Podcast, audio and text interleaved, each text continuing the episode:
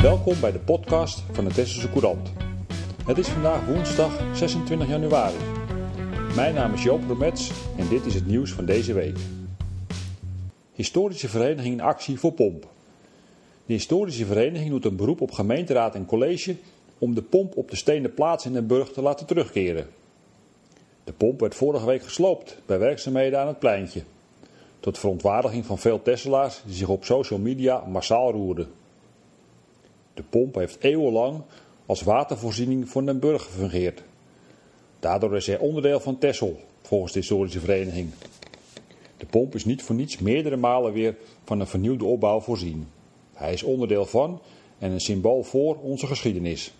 Het is van belang dat we dit soort beelden, symbolen behouden als onderdeel van onze Tesselse cultuur. Wanneer de gemeente de pomp laat verdwijnen, geeft het ook landelijk een vreemd signaal af hoe Tessel met zijn erfgoed omgaat. Dat kan toch niet uw bedoeling zijn, aldus de historische vereniging in haar oproep aan de Tesselse politiek. De vereniging wijst erop dat de geschiedenis zich herhaalt. In 1929 was de pomp defect, maar werd hij naar opmerking in de gemeenteraad door de eigenaar, de gemeente Tessel, gerepareerd en na verontruste vragen weer teruggeplaatst. De Krim wapent zich tegen overname. Om te kunnen ingrijpen bij een vijandelijke overname heeft de Krim de stichting Continuïteit opgericht. De Krim is Tessels en dat moet ook zo blijven. Dat vinden de aanlouders en dat vindt de directie, ligt Krim-directeur Ivan Groothuis toe. In de statuten van de Krim staan al de nodige bepalingen die moeten voorkomen dat een persoon of bedrijf grote hoeveelheden aandelen koopt en zo een doorslaggevend belang krijgt. Maar die bepalingen bieden geen 100% garantie tegen vijandelijke overnames van overkantse partijen, zoals recent gebeurde bij Camping de Driehoek. Om dit risico weg te nemen is een extra beschermingsmaatregel ingevoerd. Die maakt het mogelijk om preferente aandelen uit te geven aan een speciaal daarvoor opgerichte stichting. Deze maatregel wordt ook door veel beursvennootschappen gebruikt. Kort samengevat houdt de maatregel in dat de Krim zoveel aandelen aan de stichting Continuïteit kan uitgeven dat deze de absolute meerderheid van stemmen verkrijgt en daarmee doorslaggevende zeggenschap in de Krim. Ook als de andere aandelen in handen van één aandeelhouder of een groep samenwerkende aandeelhouders komen.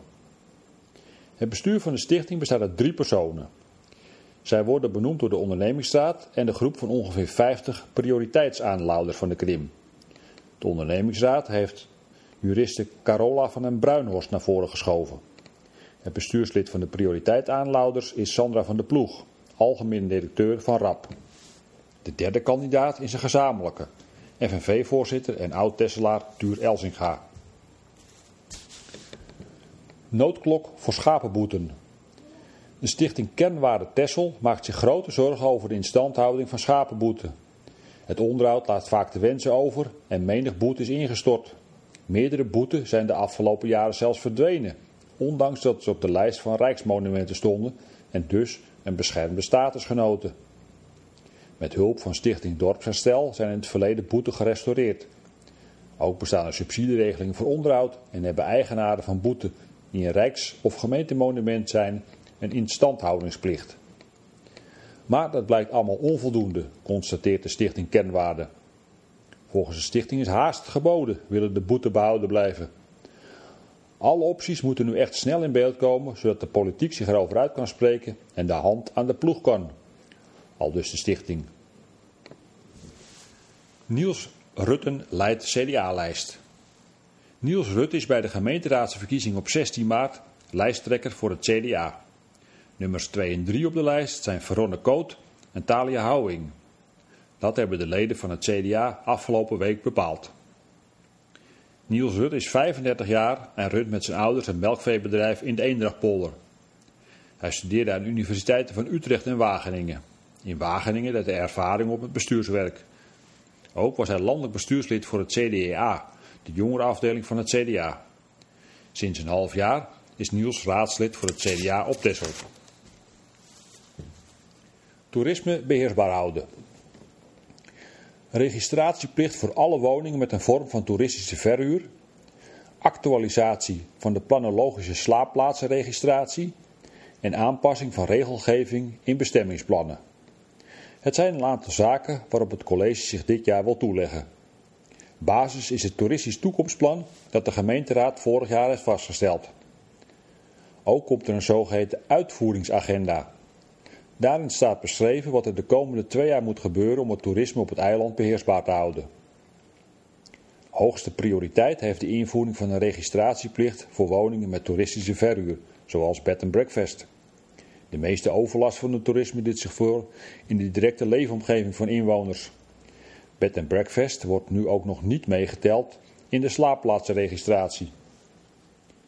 De politieke partijen praten op dinsdag 1 februari in commissieverband over deze uitvoeringsagenda die het college op tafel heeft gelegd. Denise Betsema niet naar WK. Denise Betsema is ziek en kan niet meedoen aan het WK veldrijden. Dat heeft haar ploeg, Pauwels Sausen Bingo, dinsdag laten weten.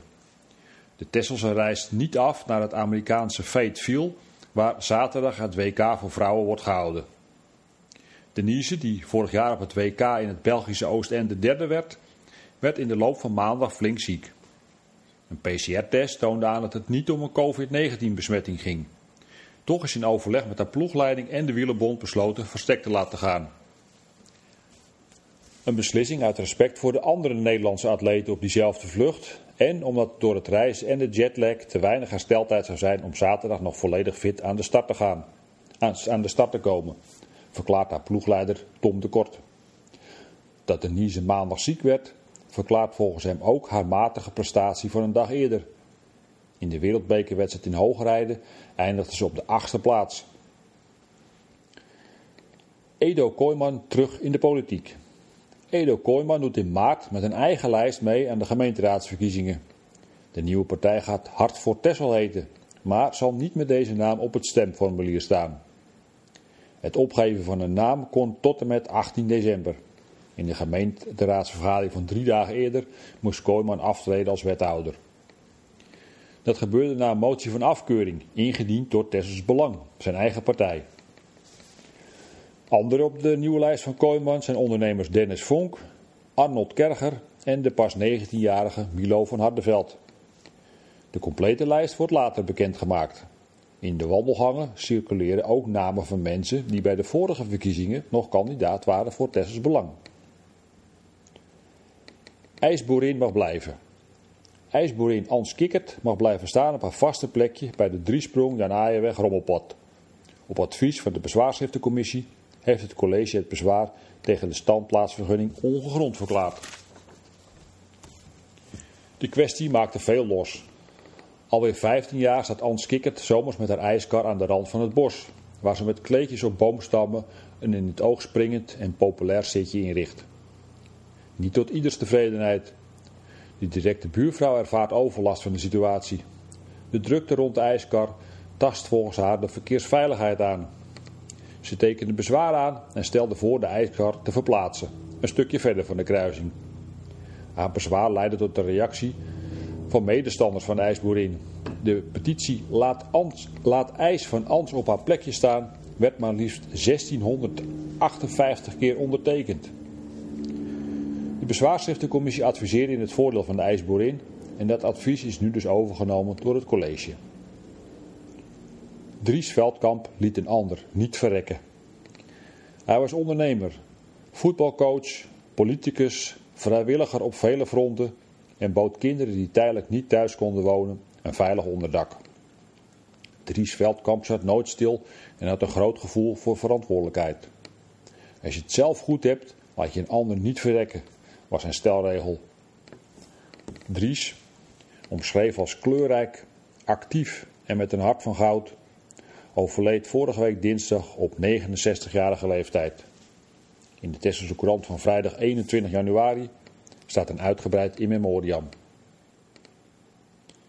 De Tesselse Courant verschijnt twee keer per week en staat steeds boordevol nieuws, reportages en achtergronden. Neem ook een abonnement op de lokale krant van Tessel. Kijk op www.tesselsecourant.nl voor de mogelijkheden. Bellen kan natuurlijk ook. Tijdens kantooruren op nummer 0222 362 600.